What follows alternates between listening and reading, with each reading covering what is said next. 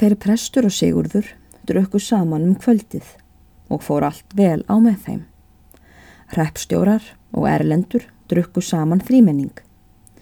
Bar þeim margt á góma og vald á ímsu fyrir þeim, er þeir hálsuðu hver annan og kistust eða þeir nakk reyfust svo að prestur varðað miðla í millum þeirra og mikja málinn. Erlendur var eins og bergmál þeirra begja reppstjórana og átt allt eftir það sem talað var. Tóku þeir nú allir að verða ölvaðir, gestirnir, en prestur drekkur lítið.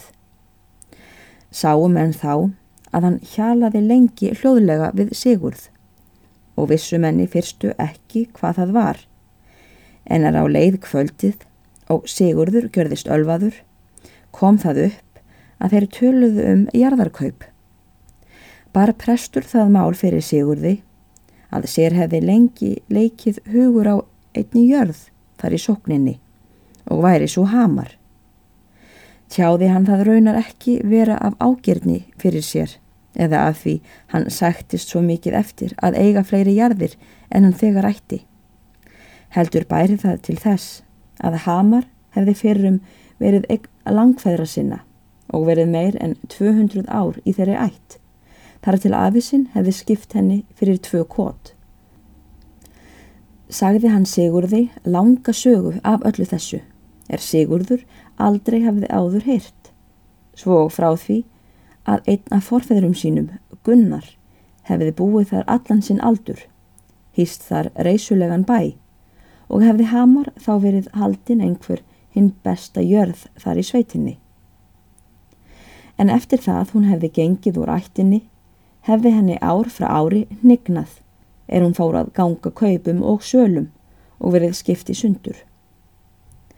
Þar sem þau hlýðarhjón ættu engin börn, myndi svo fara um hamar eftir þeirra dag að honum erði skipt í alla staði mellum útarfa er væru margir en af langri tryggð til jarðarinnar gæti henn ekki séð það að svo færi um hanna þar sem forfeður hans hefði blómgast þar. Þá sagði hann að þau hjón væru ekki skildug til að láta útarfum sínum fremur eftir lönd en lausa öyra. Sigurður bóndi tók í fyrstu því máli prest mjög fálega en er prestur hjælt reiknum meira að Sigurði og hann tók að gjörast ógáður og ölvaður fór hann heldur að gefa nokkur svig á um kaupin og segir að svo geti farið að hann selji honum jörðina ef kona sín sé því ráði samþygg. En er prestur verður þess var að Sigurður gjörust lausari fyrir, gengur hann að sem fastast og vill að kaupunum sé lokið þegar um kvöldið.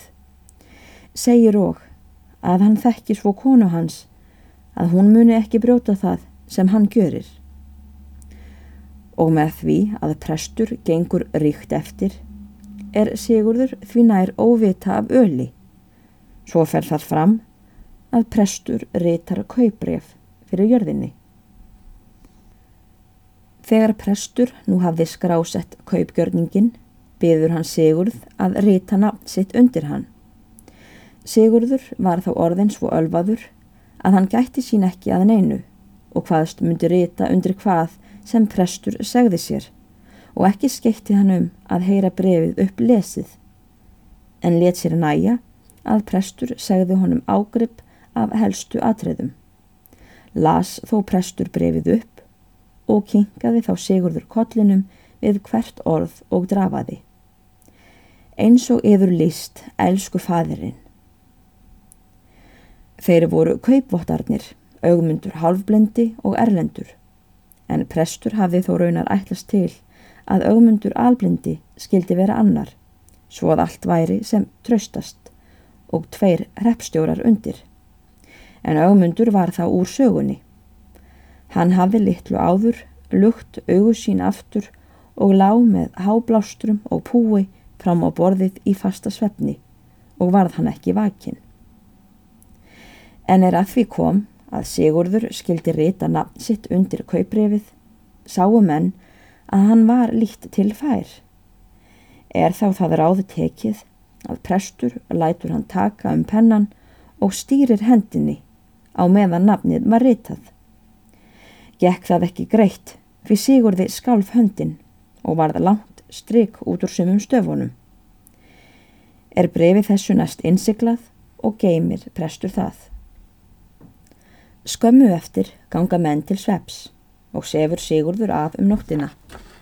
En er hann vaknar næsta morgun, rankar hann við sem í draumi að nokkuð hafi verið talað kvöldið áður um jarðakaup af þeim presti og mann þó ógjörla til hvað verið hafi. Innir hann þá augmund reppstjóra, hálf blinda eftir hvað fram hafi farið og segir augmundur honu sem var að hann hafi sælt presti hamar og gjörningur sá sér innseglaður. Og undraði mig, segir hann, að þú viljir selja svo góða jörð fyrir hálf virði eða minna. Þó ég vildi ekki þá um tala, er mér kom ekki það mál við, en það er hver fjár síns ráðandi.